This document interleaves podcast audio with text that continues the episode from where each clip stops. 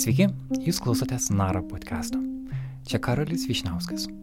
Mes tęsime mūsų analizę apie kairę politiką Lietuvoje. Savaitgalį dalinomės interviu su profesoriumi Gintautu Mažiekiu šią temą, o šiandien jums paruošėme dar vieną išsamų keturis skirtingus pašnekovus įtraukiantį pasakojimą. Jį rengiame kartu su kolege žurnalistė Indrė Kiršaitė. Labas, Indrė.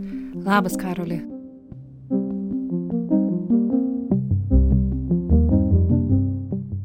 Pradedant klausytojams papasakom šiek tiek užkulisių, kaip mes nusprendėme šitos temos apskritai imtis. Idėja kilo stebint pirmąjį Seimo rinkimų turą ir matant rezultatus ir girdint politologus ir pačius Lietuvos politikus, kalbant apie du konstruktus - centro dešinės potencialią koaliciją ir centro kairės.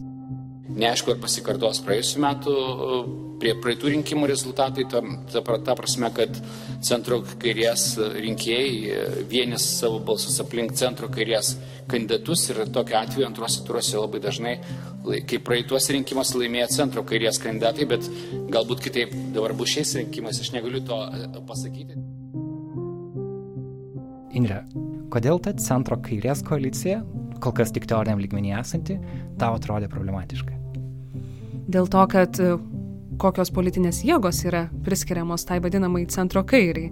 Um, valstiečiai, darbo partija, dar prieš rinkimus buvo priskiriama ir Lenkų rinkimų akcija. Ar tikrai šios jėgos yra kairios? Ir ar tam tikrų tokių įvaizdinių bruožų, kairių bruožų turėjimas tave padaro kairiu? Ir apskritai, ar Ar buvimas nekonservatoriumi automatiškai reiškia, kad tu esi kairysis? Ir buvimas neliberalu. Taip. taip pat. Tai čia buvo mūsų startinė pozicija. Taip pat gali rūpėti klausytėm, kodėl mes būtent apie kairę politiką kalbam, kodėl nekalbam apie, pavyzdžiui, žaliųjų partijos situaciją Lietuvoje, kodėl nekalbam tos pačius liberalus ar konservatorius. Mums jie visi iš esmės yra įdomus, bet e, šį kartą matant tokį disonansą tarp kas yra įvardyma kaip kairė ir kas turbūt vakarietiškame politikos supratime yra kairė, tas yra mūsų startinis taškas. Ir ką kalbėjome anksčiau su profesoriumi Gintautu Mažaikiu, kad e, Lietuvoje dešiniosios jėgos yra gerokai plačiau atstovaujamos. Tai dėl to norėjosi pažvelgti labiau į kairę ir dabar matome, kad tarsi viena jėga tai atstovauja tas kairiasis idėjas ir priskiriame tai Lietuvos socialdemokratų partijai. Tai tiesiog norėjosi gilintis į tai, ar lietuviams galbūt neįdomios yra kairios idėjos, ir ar pačiai partijai, kiek pati partija save laiko kairiaja, kiek atliepia tas vertybės.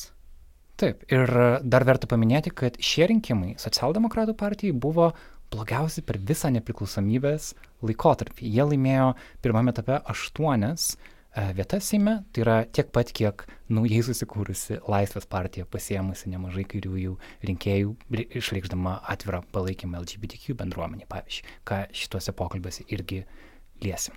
O tai yra seniausia Lietuvos partija, susikūrusi XIX amžiaus pabaigoje. Ir apskritai, jeigu pažiūrėtume šiuo metu pasaulyje, netrodo, kad e, kairiosios idėjos būtų nepopuliarios. Jeigu pažiūrėtume, tarkime, į neseniai vykusius Naujosios Zelandijos rinkimus, e, kuriuose centro kairės kandidatai su Jacinda Arden laimėjo tos rinkimus, e, taip pat ir kitas šalis, jeigu pažiūrėtume, tai tiesiog norėsiu panalizuoti kas Lietuvoje yra ne taip su kairiomis idėjomis. Žinoma, reikia nepamiršti ir sovietmečio palikimo ir kitų dalykų. Tai tą ir aptarsime dabar. Taip, šiandien bus neįprastai ilgas epizodas, neįprastai politinis, bet rinkimų fone manom, kad yra gera proga tokiai diskusijai kilti. Um, pradedam ją nuo vizito pas Lydiją Šabajevaitę. Ji yra Vilniaus universiteto filosofijos fakulteto docentė, ilgametė dėstytoja. Tarp jos studentams dėstytų dalykų yra šiuolaikinės politinės teorijos, taip pat uh, kursas apie globalizaciją. Šiuo metu ji pati jau beveik nebedėsto, bet jos žinios yra uh, didelės ir ji sutiko su mumis pasidalinti apskritai teoriniam lygmenį, apie ką yra kairė politika ir taip pat pasidalino savo nuomonę apie Lietuvos kairės situaciją šiuo metu. Tad keliamės į jos būtą Vilniuje.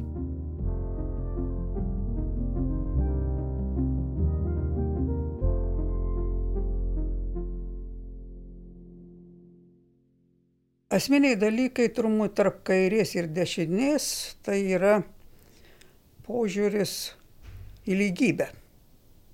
Ar įmanoma, kad visi, sakykime, na, visuomenės nariai būtų lygus? Teisinė prasme taip. Ir vis dėlto, net ir teisinė prasme, turbūt nebus visi lygus. Ta lygybė teisinė prasme tik piliečiams. Lietuvoje irgi gyvena nemaža turbūt dalelė žmonių, kurie neturi Lietuvos pilietybės ir pavyzdžiui dalyvauti balsavime, politinės valdžios rinkimuose jie negali.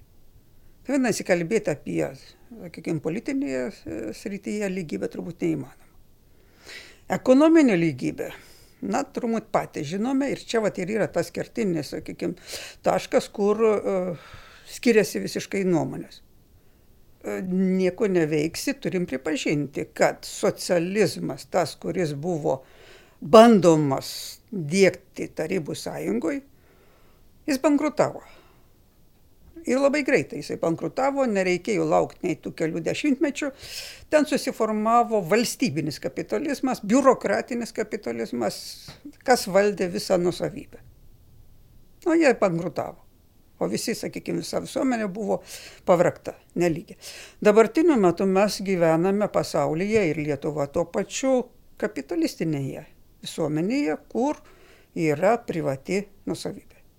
Žinoma, greta yra šiek tiek ir valstybinės nusavybės, irgi žinome tą, yra kooperatinės nusavybės, na įvairios, sakykime, nusavybės formos, kas beje ir konstitucijoje yra Lietuvos konstitucijų užfiksuota, iš kitos įvairios nusavybės formos. Tai ką duoda tada privati nusavybė? Viskas aišku, reiškia, nusavybė yra, aš kalbu apie privačią nusavybę, turėdama mintyje, arba būtent tai, kaip jinai apibrėžiama yra. Tai yra tokios mm, priemonės, kurios leidžia man pragyventi. Mano būtas yra irgi vadinamas privačiu. Nors iš tikrųjų reikėtų vadyti, jis individualiai priklauso man. Jis neduoda man pragyvenimo šaltinių. Tuo tarpu privati nusavybė, tai būtų fabrikas, tai būtų mano kirpykla, mano ūkis ir taip toliau, jisai duoda pragyvenimo šaltinį. Va čia yra ta tikroji, tikrąją žodžio prasme, privati nusavybė. Ir privačioje nusavybėje, kad aš gaučiau iš to pelno, man reikia dar ir daugiau žmonių. Nu, pasitelkti. Tai yra darbuotojai, kuriuos aš samdau. Tai čia vat ir yra tas neligybės principas vis dėlto aš gaunu daugiau, turėdama tą nusavybę ir darbuotojai, kurių atlyginimas gali būti net labai ir labai kuklus. Na, o jeigu žinoma, tai yra paklausios verslo šakos, na, ir atlyginimai gali būti solidus. Pavyzdžiui, kaip ir informacinių technologijų, ten programuotojų ir taip toliau. Bet kam priklauso ta programuotojo visa firma? Kiek jis gauna? Na, pavyzdžiui, tas pats e, Facebook'o, sakykime, savininkas, ar ten kitų, nesvarbu, jeigu imsim pasaulį, kokius milijardus jie susikrauna ir paprasti programuotojai, darbuotojai jų, kiek gauna, nu tai palyginkim. Tai kairieji užtat ir gina, arba kitaip sakant ir sako, kad vis dėlto pirmiausia reikėtų nepamiršti, o kas ir tuos kapitalus, visus tuos milijardus sukrauna būtent tie, kurie dirba. Ir kad į jų interesus taip pat turi būti atsižvelgta. Orus atlyginimas. Nu, žinoma, ta žodis orus labai toks aptakus, bet atlyginimas, kuris leistų tam žmogui normaliai gyventi. Yra kriterijai paprastai išskaičiuojami, kas yra tas e, normalus gyvenimas. Nu, pavyzdžiui, yra atostogos. Ne vien tik tai sėdint namie, kai neturi galimybių išvažiuoti kur nors kitur, bet kad galėtum išvažiuoti, kad galėtum pamatyti, kultūriniai poreikiai. Kai kuriuose šalyse jie yra labai brangus, pavyzdžiui, biletai į teatrą. Ir žymiausių operos dainininkų ar, ar baletų ir taip toliau. Tai kad daugybė yra tų kriterijų. Bet kad ar visi žmonės, sakykime, gali patenkinti tos kriterijus. Tai va tai kairiesiems tai yra labai labai svarbu. Na, o suprantama, kad su tuo yra susiję tada ir visi kiti dalykai. Ir kultūra, ir švietimas. Kokios galimybės yra, pavyzdžiui, turtuolių vaikams įgyti išsilavinimą? Ir kokios galimybės yra darbuotojų, kuris gauna minimalų atlyginimą? Gerai, jūs galite pasakyti ir kitaip. Pasiimkite paskolas. O ką reiškia paskolų pasiėmimas? O tai, kad jūs iki pat amžiaus galo būsite priklausomi nuo banko, arba kitaip sakant, skolininkai. Gyvensite skoloj. Tai užtad turbūt kairieji ir stengiasi vykdyti tokią politiką, ypatingai ką mes matom Skandinavijos šalyse. Ir Vokietija galima sakyti, ir Prancūzija turbūt galima pridėti. Valstybinis mokymas. Universitetuose, kad kuo mažiau būtų, na, sakykime taip, reikalaujama, kad patys studentai išsilaikytų. Bet kitaip, kitaip sakant, kad nereikėtų mokyti už mokslą.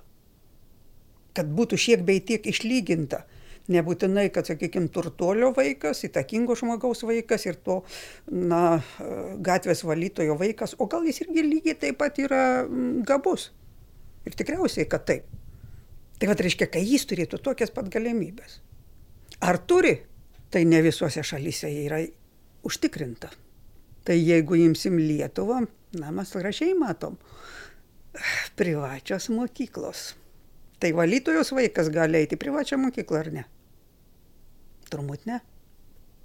Arba ir universitete, jeigu tėveliai neturi atitinkamo, na, sakykime taip, finansinio pagrindo, taip, ima dabar į studentai tas paskolas, bet dar kartą sakau, tai yra visam gyvenimui įlysti skolas.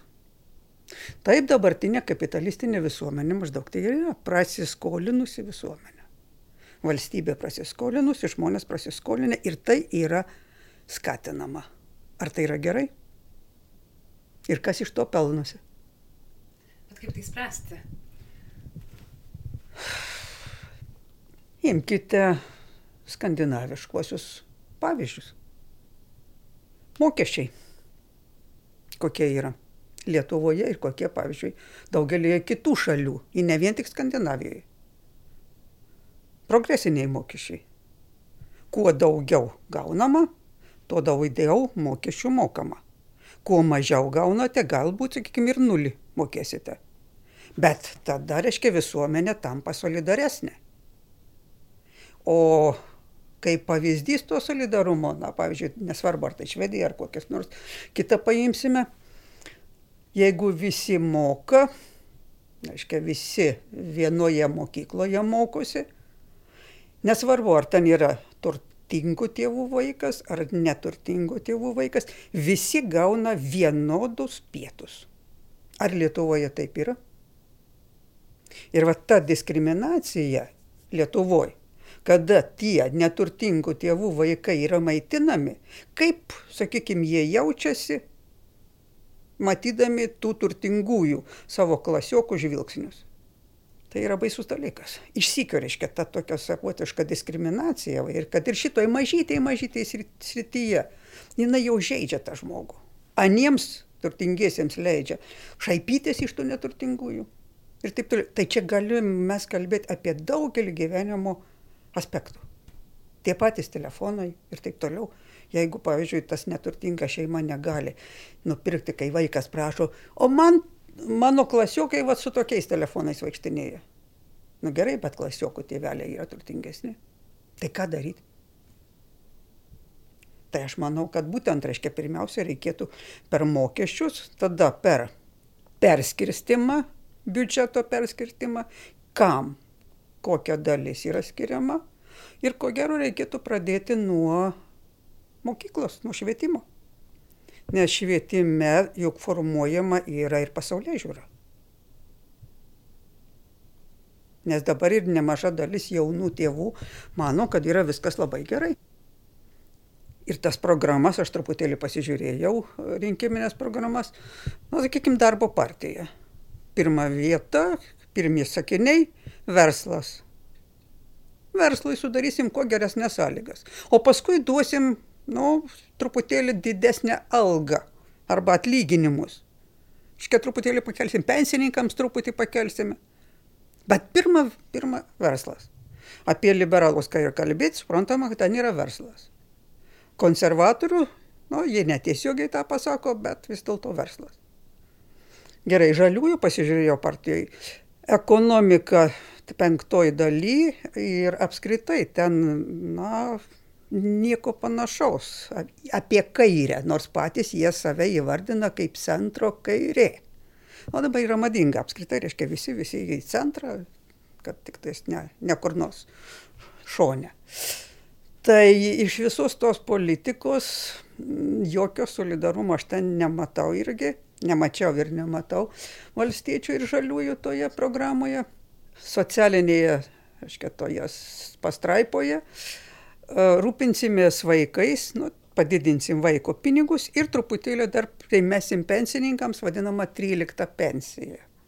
Tuo tarpu socialdemokratai, jų programoje vis dėlto pirmiausiai pradedama kalbėti apie kultūros reikalus, švietimas paskui jau tiktais ekonomika, o ekonomikoje taip kaip ir dera kairiesiems ir labai reikėtų, kad Lietuvoje būtų kaip ir daugelie, kaip minėjau, Europos šalių, progresinė mokesčių sistema.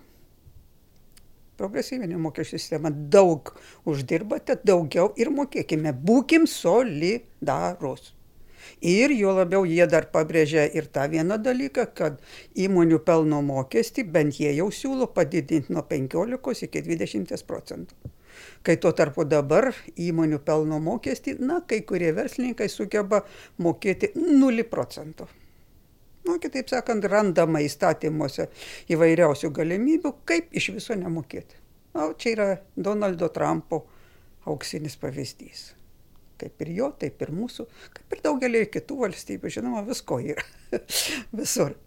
Iš to, ką jūs išvardijot, atrodo, kad vieninteliai socialdemokratai bent jau pagal savo programą atstovauja tą tradicinį kairės supratimą, bet Lietuvos dabartiniai, kaip kalba politologai, jas, jie atrodo, kad ir valstiečius laiko kairiais, ir darbo partija laiko kairiais, ir kad visa jų besiformuojanti koalicija yra centro kairės koalicija. Atrodo, kad Lietuvo, jeigu tu nesi konserva, konservatorius arba nesi liberalas, tu automatiškai esi kairysis. Bet ar tikrai valstiečiai ar darbo partija, ar jūs jas matot kaip kairias partijas? Darbo partija jokių būdų ne kairė. Jokių būdų. Aš sakiau, pirmiausia, reiškia, kas įrašyta, tai yra verslas. Verslo interesai. Ir pažiūrėkit, kas atstovauja, kokie kandidatai atstovauja arba pats vadovas darbo partijoje. Tai yra stambysis, stambusis kapitalas stambiojo kapitalo žmonės. Pats Uspaskikas, Guoga, kuris išsikio beveik tiesiai išviesiai pasakė, aš labai noriu būti švietimo ministru. Aš nematau jokio kairumo darbo partijoje. Išskyrus vieną vienintelį variantą, atvejį tai yra pavadinimas. Valstiečiai ir žalieji, kiek ten yra valstiečių? Ūkininkų, labai stambių ūkininkų, taip, ten yra. Bet vis dėlto valstiečio savoka tai nestambusis ūkininkas. Valstietis tai yra na, smulkusis, tas geriausiu atveju, kurį 90-91 metais pagamino aukščiausioji taryba, davusi po 3 hektarus žemės buvusiems kolukiečiams. Ir viskas ką mes prieš tai su jumis kalbam, man kažkaip peršasi tai išvada, kad mes kalbame apie vienintelę kairę jėgą, tai yra Lietuvos socialdemokratų partija. Tačiau jeigu šiek tiek panalizuotume ją ir pabandytume įsigilinti, kokia yra jos tapatybė, dalis e, vyresnio amžiaus žmonių kritikuoja socialdemokratus dėl komunistinės praeities, e, jauni žmonės įvardyja tuos senuosius socialdemokratus kaip konservatyvius pagal jų balsavimus Seime. Ir šiaip, jeigu pažiūrėtume į rinkimų rezultatus, e, ketvirta vieta, tai tokiai tradiciniai seniausiai Lietuvos partijai atrodo nėra gera situacija. Ir kur problema? Ir kokią jūs matot tapatybę e, socialdemokratų ir tiksliau, ar jie jos nepraranda? Problemų taip, čia yra. Jeigu kas sieja su ta komunistinė praeitimi, tai pažiūrėjus visuose partijose biografijas ir kandidatų, tai ten turbūt 50 procentų buvusių komunistų partijoje. Ir konservatorių, ir liberalų, ir taip toliau. Tie vyresnėji, sakykim taip. Dabar pati socialdemokratų partija, suprantama, kad jinai irgi, va, dėl ko ir įvyko tas savotiškas kilimas, atsirado ta antroji socialdemokratų darbo partija. Taip, tai labiau yra ne socialdemokratinis pažiūros ir veiksmo asmenys, kuriuos labiau galėtume turbūt priartinti prie liberalų arba konservatorių, nu, kuriems verslas, tai čia taip jau verslo interesai buvo beveik pirmoji vietoje.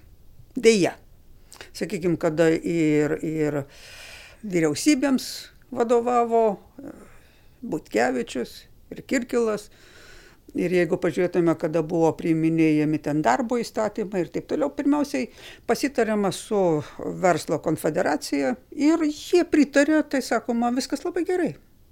O į profsąjungų nuomonę, ar taip pat gerai buvo atsižvelgiama. Deja, deja. Likusioje arba dabar grinų tų pavadinimų Lietuvos socialdemokratų partija taip norėtųsi kad jinai būtų populiaresnė bet tam reikės laiko įdirbio ir suprantama žmonių žmonių kurie tikrai e, ir labiau iš jaunesniosios kartos kurie labiau suprastų gyvenimą suprastų kad yra ne vien tik verslas ne vien tik privati nuosavybė bet yra didelė dalis arba didžioji visuomenės dalis kurie ne verslininkai kurie priklauso nuo verslininkų ir ką valstybė kaip reguliuoja, sakykime, santykius būtent tarp verslo ir dirbančiųjų. Vat, kad jie tą suprastų ir suprastų, kad reikia ir labai susirūpinti ir tą didesnėje visuomenės dalimi. Nes jeigu, sakykime, yra rūpinamasi tik tais, tais turtingaisiais, tai kyla paskui jiems pavojus, labai didelis pavojus. Nu, Lietuvoje aš manau, kad to nekils. Bet pažiūrėkit, kas dėjosi arabų pasaulyje. Netaip jau seniai. Arba ir kitose kraštuose.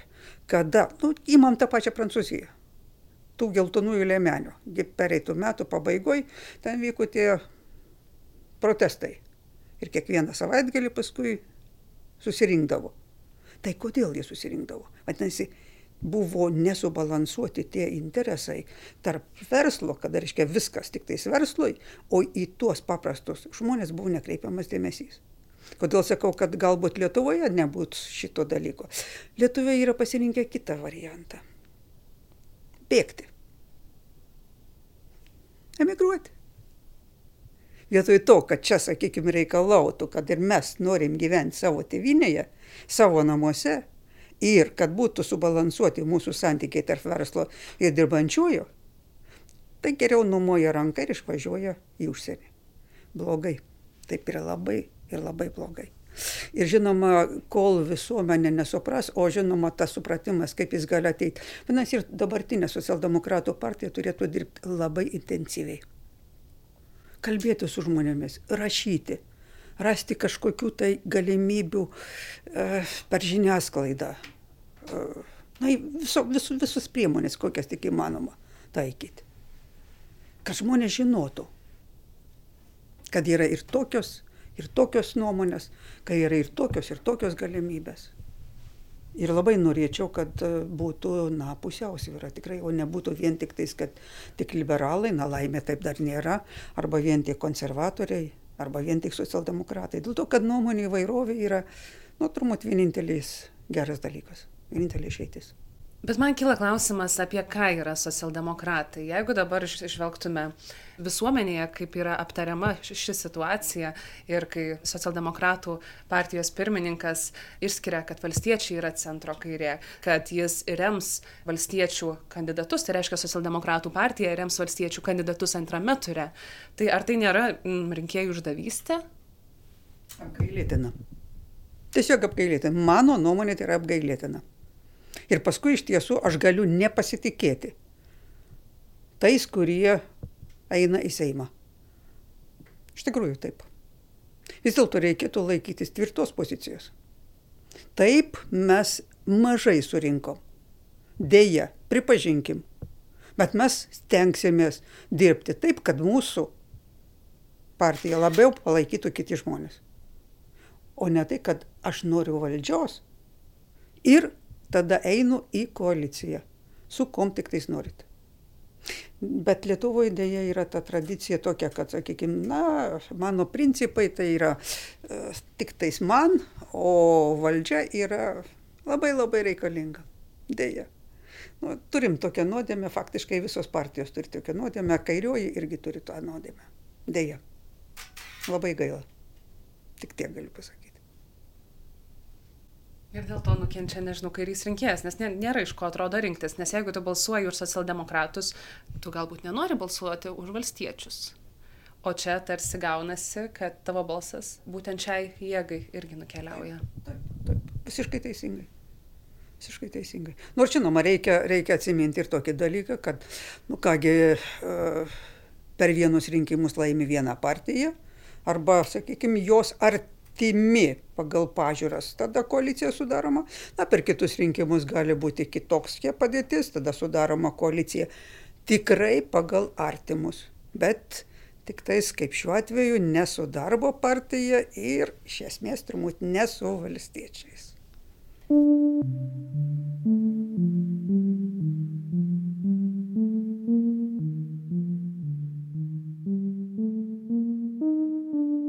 Inte, kai planavome pašnekų šiam epizodui, tu būtinai norėjai susitikti ir su Gintautu Palucku, dabartiniu socialdemokratų pirmininku. Kodėl? Man atrodo, jeigu nori analizuoti politinę jėgą ir tam tikrus sprendimus, kuriuos priima jos lyderis, kurie sulaukia rezonanso visuomenėje, reiktų apie tai išgirsti iš pirmų lūpų. Vienas iš tų dalykų, kuris sulaukia rezonanso, tai yra tai, kad socialdemokratai nusprendė antrame ture E, palaikyti valstiečių kandidatus vienmandatėse, kuriuose jie kaunasi su konservatorių vienmandatininkais. Tačiau norėtųsi sugrįžti į 2017 metus, kada socialdemokratų partija labai garsiai išėjo iš valdančiosios koalicijos su valstiečiais ir, kaip jie teigia, dėl nesuderinamų vertybinių klausimų, tačiau 2020-aisiais atrodo jau tos vertybės yra suderinamos. Ir kaip pamename, tuo metu partija net skilo ir susikūrė atskira partija, kuri per šiuos rinkimus neperžengė 5 Taip. procentų barjero. Socialdemokratų darbo partija. Taip, tai tiesiog tai sukėlė mm, daug diskusijų visuomenėje, tai norėjosi pasigilinti į to priežastis, tad pokalbį nuo to ir pradėjome. Taip, ir interviu rašinėjame spalio 16 dieną Vilniuje, pačioje socialdemokratų partijos būstinėje, kur mūsų Paluskas ir pasitiko. Tokioje didelėje salėje, aidinčioje. Su L LSDP rožė, didelė rožė ant sienos. Raudonuojančia, atsimenu man iš dešinės.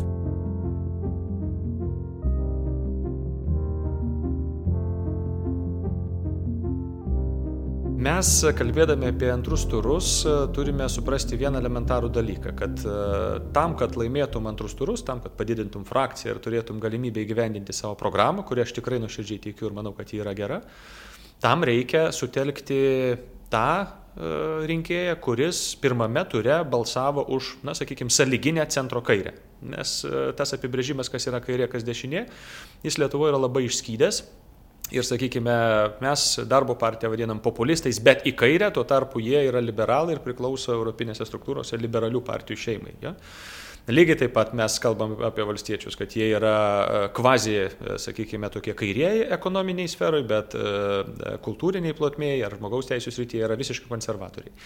Tai dabar ta politinė aritmetika nuo Vilniaus, kaip sakyti, tolyn į pakraščius yra elementari. Tai yra dešinieji gauna vieną trečdalį balsų, tie, tie, tie, tie taip vadinami kairieji, centro kairieji gauna du trečdalius balsų. Tai jeigu mes norime matyti daugiau socialdemokratų Seime, tai turi tam tikrą kainą. Tai yra, gali būti, kad dėl to bus ir daugiau valstiečių Seime.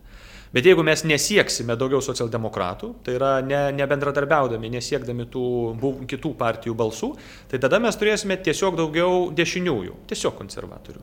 Tai čia yra toks praktinis, paprastas, elementarus e, politinis aritmetikos žingsnis. Kalbant apie visokias koalicijas, kas čia pasipylė įvairūs samprotavimai, apie tai šiuo periodu dar net kalbos nebuvo. Ir aš sakau tai atvirai, nei kalbant ar, ar, ar su, nežinau, su Ramūnu Karvausku, kuris mus, ai, kaip sakyti, čia taip jau emociškai kankino su savo visokiais pareiškimais, įsigalvojimais rinkiminės kampanijos metu, bet uh, nepaisant viso šito, jokių kalbų apie koalicijas, nei su viena partija apskritai nebuvo, nei su dešinė, nei su kairė.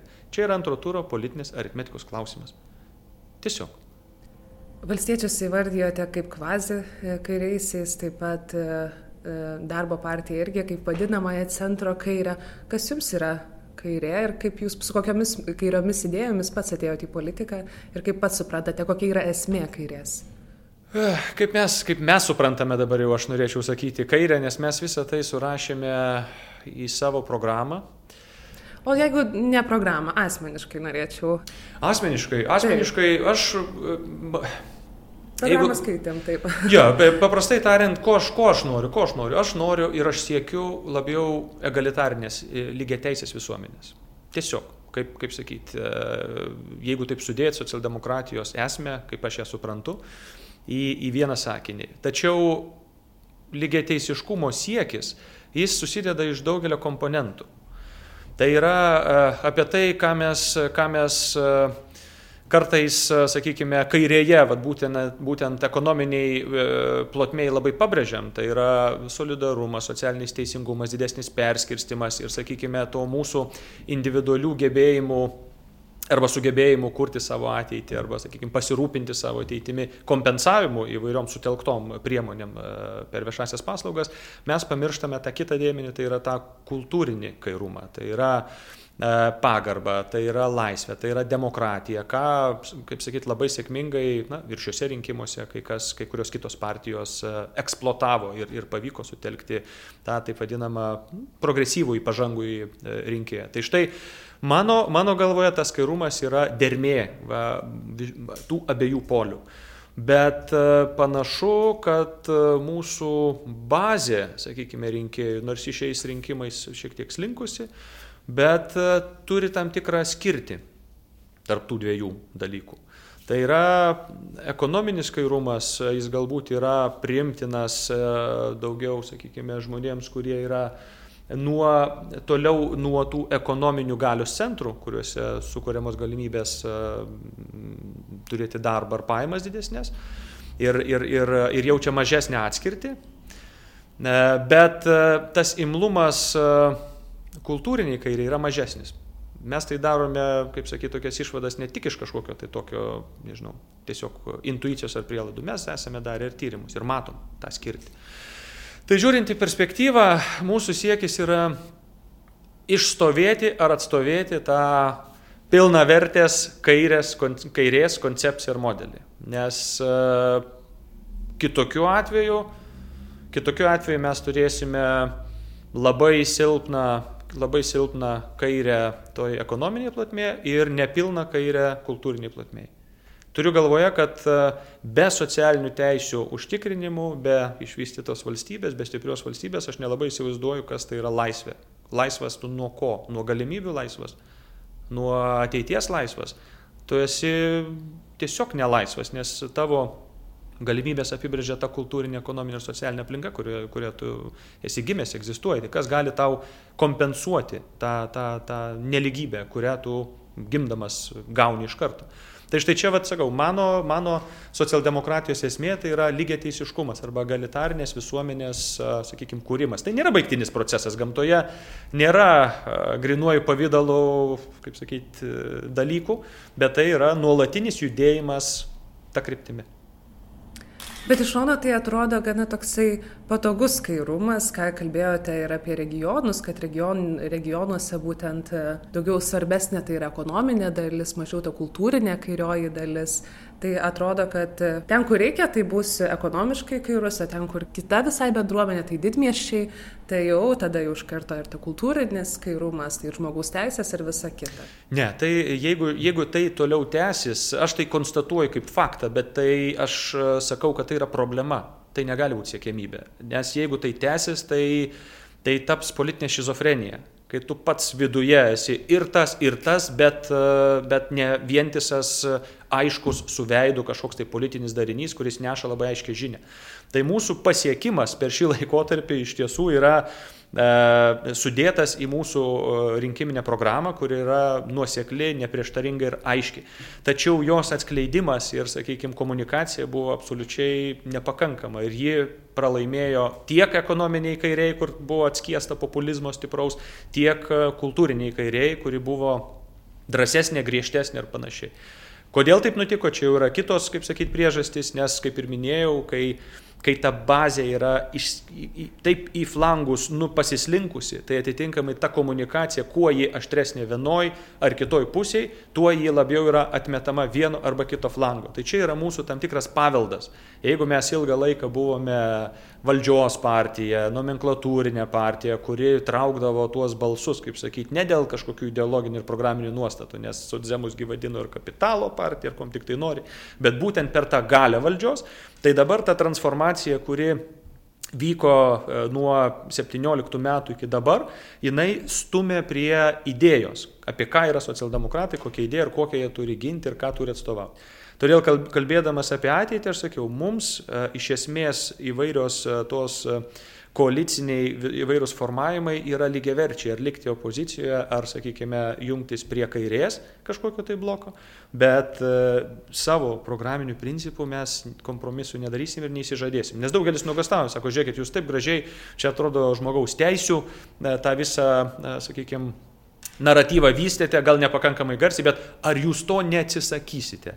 Tai aš galiu pasakyti, kad ne, mes to neatsisakysim, nes tada gaunasi, kad ta mūsų formuojama socialdemokratijos vizija būtų nepilnavertė, su trūkumais. Tai šito, šito aš nesiuošiu daryti ir to neleisiu.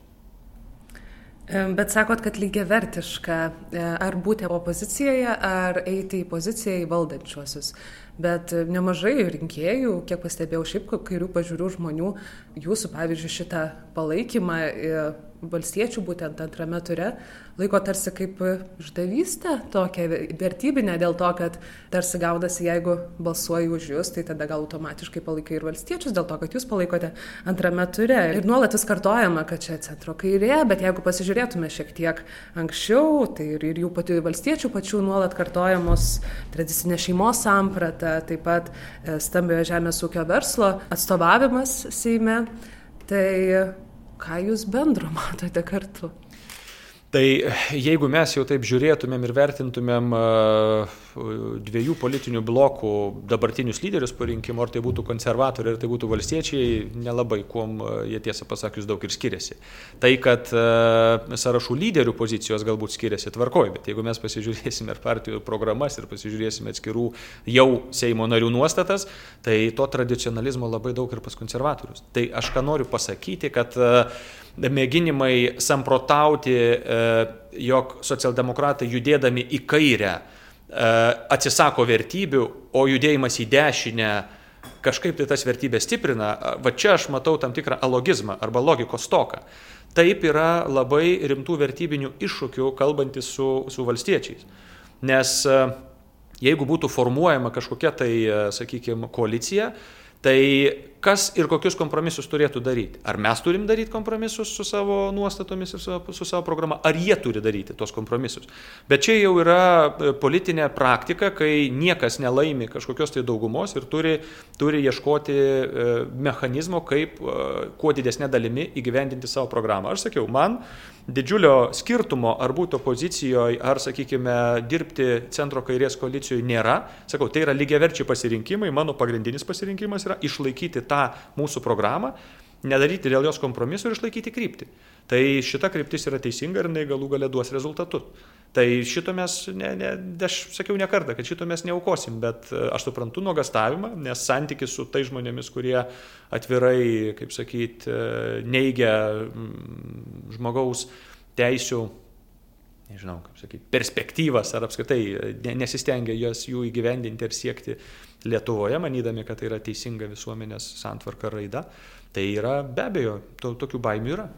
Bet viskas, ką mes dabar kalbame, man kažkaip į vieną frazę susiveda, tikslas pateisina priemonės. Kažkaip svarbiausia, kuo daugiau mūsų išrinktų, nesvarbu kaip, nesvarbu ką palaikysime, bet svarbu, kad, kad mūsų išrinktų, kad tiesiog mūsų būtų daugiau. Tam tikrą prasme taip. Tam tikrą prasme taip. E, šis etapas e, antrame ture, jis yra ypatingas tuom, kad kiekviena partija stengiasi turėti didesnį frakciją. Tai nėra savitikslis dalykas, nes jeigu už frakcijos nėra idėjos ir nėra programos, tai tada nėra apie ką šnekėti. Tai mes ką tik aptarėm darbo partijos atvejai. Bet mūsų atvejais, mano galva, yra šiek tiek kitoks. Nes e, tikrai mes įdėjome daug pastangų, kol konsolidavom vidinės partinės įvairias nuostatas. Įvairias. Ir kol mes pasitvirtinom tą programą, kurią turime dabar.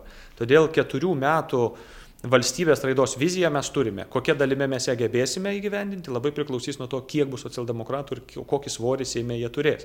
Tai todėl, kaip sakyti, tiesiog nubrėžti brūkšnį ir pasakyti, žiūrėkit, šituo etapu ir baigiam. Tiesiog e, tikslas pateisina priemonės, mes negalime, nes politika nėra baigtinis žaidimas. Čia nėra futbolo ar krepšinio varžybos. Du kelinukai ir skirstomės. Čia yra nesibaigiantis siekis tokios visuomenės, tokios vertybinės antvarkos, kokią mes tikime. Tuo, ką mes tikime, esame deklaravę aiškiai. Tai, kad žmonės nepatikėjo arba dalimi patikėjo, tai yra iššūkis tam tikras, bet krypties mes nekeičiam ir nekeisim. Todėl net jeigu ir atrodo šiuo etapu, jog tikslas yra didesnė frakcija, sakau, taip, tikslas yra didesnė frakcija, bet tai nėra savitikslis siekis. Siekis yra įgyvendinti mūsų programą. Kaip mums pavyks, tai mes matysime per ateinančius ketverius metus. Ir aš tikiu, kad visi kairieji labai įdėmiai šitą procesą stebės.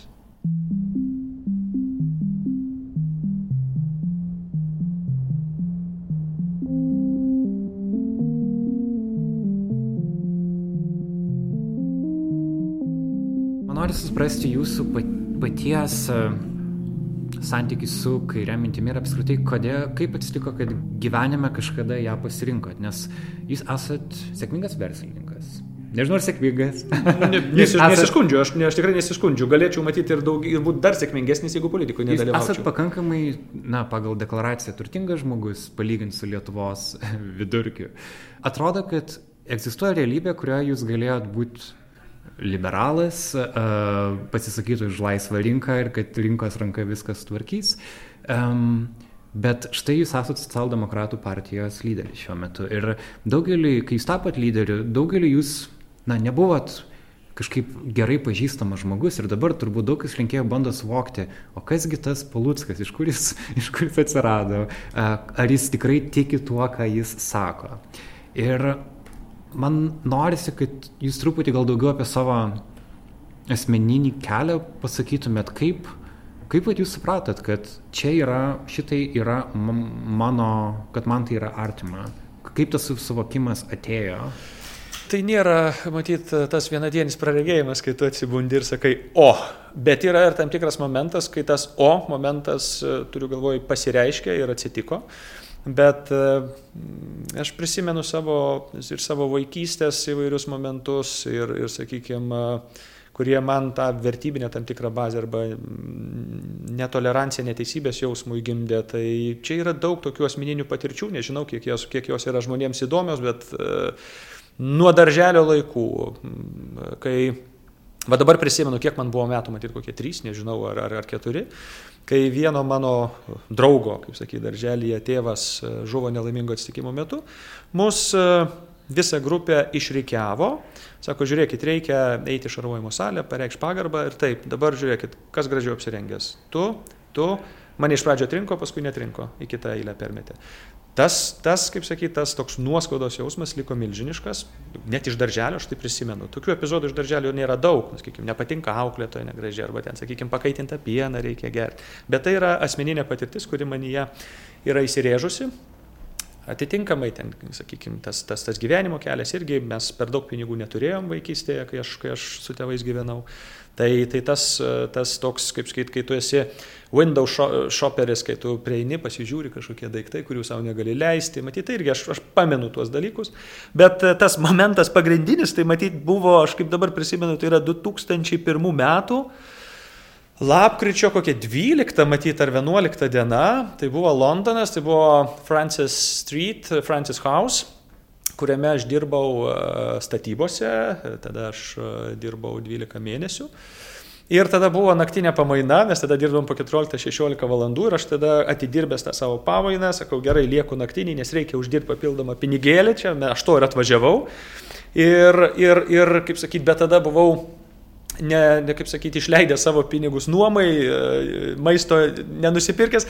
Ir gavosi toks momentas, kai reikėjo, nu, tiesiog jau, taip, jau tiek alkanas, kad dairiausi, ką pavalgyti tenais, toj statybvietėje. Ir, ir tas momentas, kai reikėjo konteinerį pasieškoti maistą, buvo toks lūžis asmeninis viduje, kad šitaip gyventi yra kažkaip neteisinga, kai tu šitą karį pinigų neturi, kai tu uždirbi tą minimalią algą per valandą, už kurią negali susimokėti už automobilio statymą miesto centre, nes tai buvo 5-20 svarų už valandą, Londone tuo metu automobilio parkavimas kainavo 6 svarus už valandą. Na, aišku, aš jokio automobilio ten neturėjau, bet tai va tokie, e, tokie e, svėrimai, kas yra teisinga, kas neteisinga, va, va tie momentai viduje, jeigu galima taip sakyti, manyje pagimdė socialdemokratą ir dėl to aš kalbu apie lygiai teisiškumą kaip e, pagrindinę teisingos visuomenės prielaidą apskritai.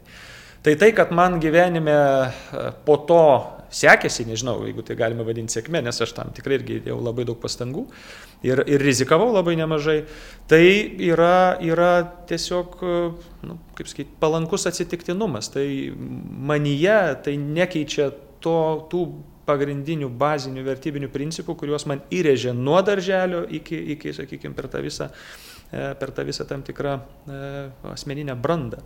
Tai Tai, kad žmonės manęs nepažįsta, yra natūralu, matyt, to publicity yra gerokai per mažai. Antras dalykas, aš pripažįstu, aš esu intravertas savo nuostatomis. Man labai patinka pagalvoti, pasvarstyti, įvertinti, pasverti to, to tokio ekspresyvumo perteklinio aš ne, nelabai noriu, nelabai mėgstu, gal politikoje tai yra trūkumas. Tu turi to siekti, tu turi spindėti visame tame, bet aš tai vertinu kaip profesinį kompromisą. Tai yra tiek, kiek reikia, aš tai darau, kiek nereikia, aš daugiau dalykų laikau savyje. Tai tas kelias į socialdemokratiją, jis toks ganėtinai būtiškas. Tai po to jau grįžęs į Lietuvą aš jau sąmoningai ieškojau santykių su socialdemokratų partija, nors tada jinai buvo vėlgi saliginai socialdemokratinė, nes tada buvo Valgirdas Brazauskas, tada buvo visai kitos nuostatos, bet pagal tą ideologinę, vertybinę nuostatą aš tiesiog atėjau, sakiau, imkite mane, imkite mane į partiją. Na, priemė. Supratau. Ir jūs sakėt, kad neužaugo turtingo šeima. Gal galite pasakyti, ką jūsų tėvai veikia, kaip, kaip tas šeimos gyvenimas atrodė? Tėvas, tėvas e, pagal išsilavinimą yra energetikas, e, dirbo inžinierium vienoje kelių statybos e, įmonėje. Mama, ekonomistė pagal išsilavinimą, dirbo prekių sandėlį, kaip, nu, kaip, čia, kaip čia pasakyti, bazėje tuo metu. Tai tos pajamos kažkokios tai šeimos nebuvo labai didelės atitinkamai, atitinkamai aš kaip vaikas e, taip pat ne viską galėjau sauliaisti, turiu galvoje, mes vėlgi lyginamės visada kontekste ir kai žmonės sako, kad tas santykinis skurdas nieko nereiškia, tai labai daug reiškia, kai tavo draugai eina į filmą, tu negali nueiti į filmą, nes neturi pinigų, kai tavo draugai užeina į parduotuvę ir nusipirka Coca-Cola ir snickersų, o tu sakai, ne, aš nealkanas ir panašiai. Tai tai, kaip sakyti, tai vis tiek formuoja tam tikrą jausmą, kad tos atskirties turi būti mažiau, nes tai nėra teisinga, nes ne tu dėl to kaltas, bet jausmas yra tau prastas. Tai po to, po to tėvai tapo smulkiaisiais verslininkais, atidarė mažmeninės prekybos e, parduotuvėlę, bet tai niekada nebuvo, kaip sakyti, kažkoks tai turtų šaltinis. Aš savo ruoštų savo įmonę kūrėm su partneriais e, Matyt, reikia sakyti, intelekto pagrindu, aš pagal išsilavinimą esu programuotojas, kolegos e, buvo elektronikos specialistai ir atitinkamai Ir atitinkamai mes kartu suėję sukūrėme, sukūrėme įmonę ir projektą, tai yra Šiandien mes klientų Lietuvoje neturime, tai yra inovatyvūs dalykai - elektronika, programinė įranga, elektra valdomoms, elektravaromoms transporto priemonėms, elektros energijos žaliosios saugykloms, keltams elektriniams. Tai yra tokios žiauriai gražios, įdomios inovacijos, kurių, kurių, kurių Lietuvoje dėl įvairių priežasčių tiesiog nėra. Mm. Tai pagal liberalus būtume toks self-made man. Kad... aš, aš ir sakau, man, man nėra, nėra aš nejaučiu prieštaravimo tarp laisvės, individuo laisvės, veiklos laisvės, mažesnių suvaržymų ir e, socialinio saugumo ir socialinės garantijos. Aš matau atvirkščiai, kad ta self-made arba ta, sakykime, ta, ta, ta, ta veiklos ir individuo laisvė, nekompensuojant e, rinkos e, sakykime, tų neigiamų efektų kuria naują prekariatą. Tai yra daugybė žmonių yra, kurie gyvena iš savo to intelekto, iš savo to intelektinio kapitalo, bet jie neturi jokio, absoliučiai jokios apsaugos. Tai yra toj modernioji darbo rinkoje. Tos visos platformos, kuriuose dirba ar ten grafikos kažkokie dizaineriai, programuotojai ir panašiai, susirgai ir laisvas. O, kaip sakyti, nebegali to darbo daryti ir laisvas. Rinkoje pokyčiai, nereikia tavęs, laisvas. Tai va čia yra didžiosios grėsmės ir, ir, ir mūsų visuomeniai. Tai aš nematau prieštaringumo tarp laisvės ir tvirtų socialinių garantijų. Atvirkščiai matau dermę, ko reikia siekti.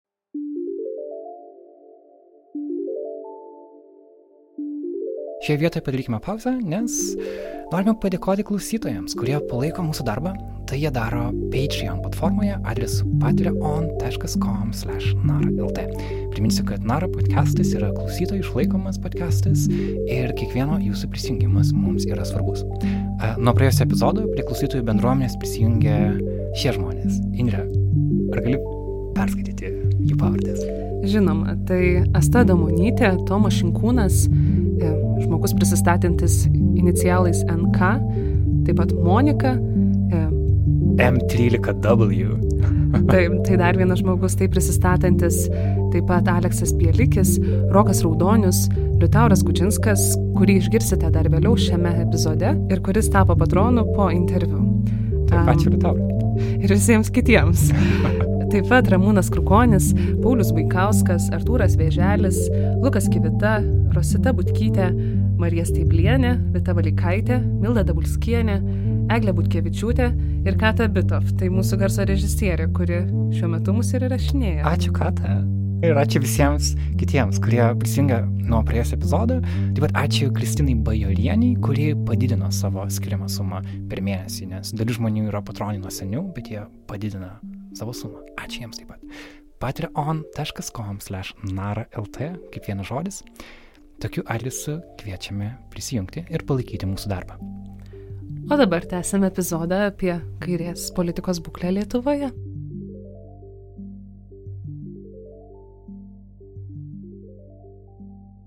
Ir dabar jis nori nukelti į vieną sodą Vilniuje, Antakalio mikrorajone. Čia gyvena Liutauras Gučinskas, politologas, nusprendęs išeiti į aktyvę politinę veiklą. Jis prisijungia prie socialdemokratų partijos ir daugeliu rinkėjų jo prisijungimas reiškia šios partijos atsinaujinimą. Nes Liutauras yra atvirai LGBTQ priklausantis žmogus, jis rinkiminėje kampanijoje kalbėjo apie universalių bazinių pajamų idėją, taip pat kalbėjo, kad laikas spręsti klimato krizės klausimus, nes a, mums metų liko nedaug, kada nieko atgal nebegalėsime sugražinti. Um, tai jis atrodė kaip tokios naujos progresyvios kairės kandidatas. Bet Liutauras partijos sąraše buvo tik 55 vietoje.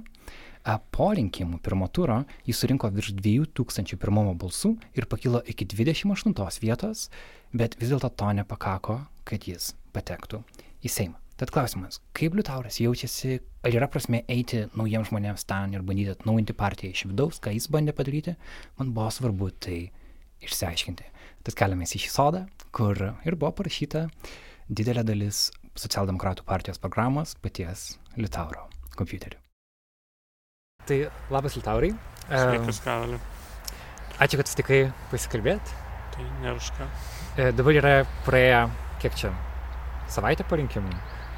Kaip tavo nuotaikas?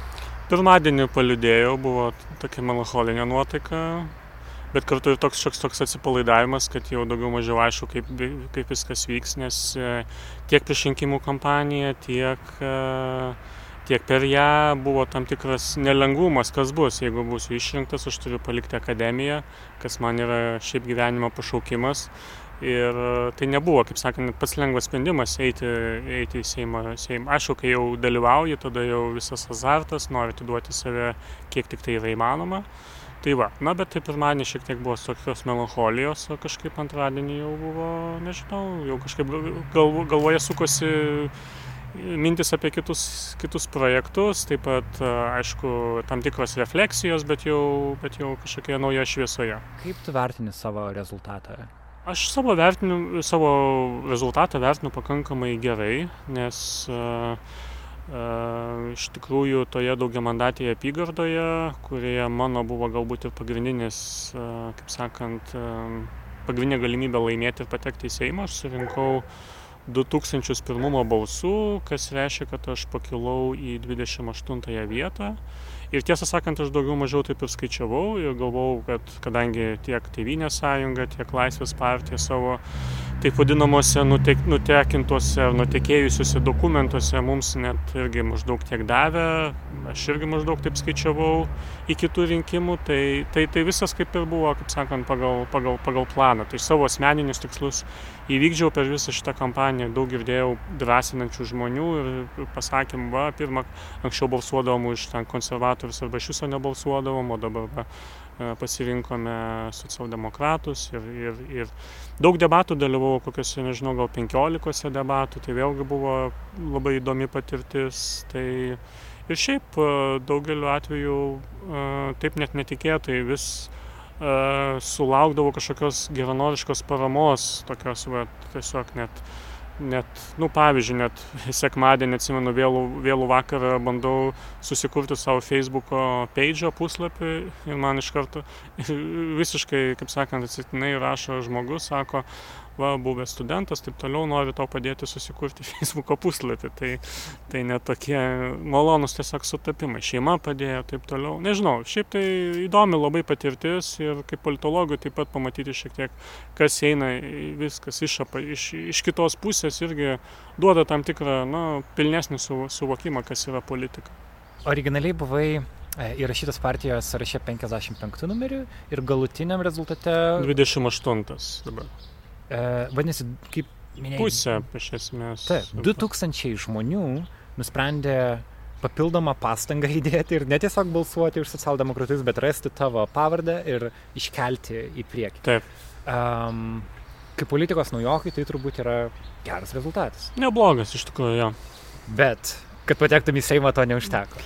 Nu, sakau, ne, bet čia aš ir mačiau, tarkime, ten ir nu, realiai net ir tokie visuotinai žinomi žmonės, kaip pavyzdžiui, na, Saulis Čiaplinskas, kuris patenka į sociologinius tyrimus tarp labiausiai visuomenėje vertinamų veikėjų, jis ir, irgi nepateko į Seimą. Tai, nu, tiesiog čia viską lemia tai, kiek yra, kaip sakant, tų mandatų gaunama. Tai, nu, akivaizdu, kad socialdemokratams šitie rinkimai nepasisekė ir uh, Ar, ar aš būčiau koks 15 numeris, ar aš būčiau 120 numeris, ar taip toliau. Nemat. Vienintelis dalykas, jeigu būčiau koks nors ten penktas, tarkime, ar šeštas, tada tai būčiau patekęs. Bet, uh, tai na, va čia taip. klausimas dėl to numerio, nes pavyzdžiui, imkim Laisvės partijos atvejį. Uh, partija, tarp kurios ir jūsų rinkosi daug kairių rinkėjų šituose rinkimuose. Pavyzdžiui, politikos naujokas Tomas Vytautas Reskevičius Laisvės partijos sąraše buvo antrų numerių ir jis pateko. Jeigu, pavyzdžiui, socialdemokratų sąraše tu būtum, nežinau, septintų numerių, tu būtum patekęs į Seimą. Um, dabar nors ir padarai didelį šuolį, to vis tiek nepateko. Ir čia turbūt yra esminis klausimas. Ar verta eiti į didelę, daug metų egzistuojančią partiją ir bandyti joje prasimušti, ar geriau rinktis Laisvės partijos kelią, kuri nusprendė ne gaivinti liberalų sąjūdį, o tiesiog pradėti viską iš naujo, im kontrolę į savo rankas ir jiem pasisekė. Pirmam etape, pirmam ture jis rinko tiek pat mandatų, kiek ilgamžę tradiciją turinti socialdemokratų partija. Ir kai kalba eina apie kairįjį mąstymą Lietuvoje, vis yra tas noras, na, kad atsirastų iš kažkur nauja partija, kad atrodo, kad reformuoti socialdemokratus yra, bet ten pernelyg didelis mechanizmas, kad jį kažkaip reformuotų. Tu atrodo, patikėjai, kad jį galima reformuoti. Vis dėlto. Tai kokią tu išvadą darai? Nes viena vertus asmeninis to pasirodymas neblogas, bet nepakankamai geras, kad patektum į Seimą. Jo, nu čia įdomus tas palyginimas ir, ir tas klausimas, ar galbūt verta, ver, reikėjo kurti naują partiją ar, ar panašiai.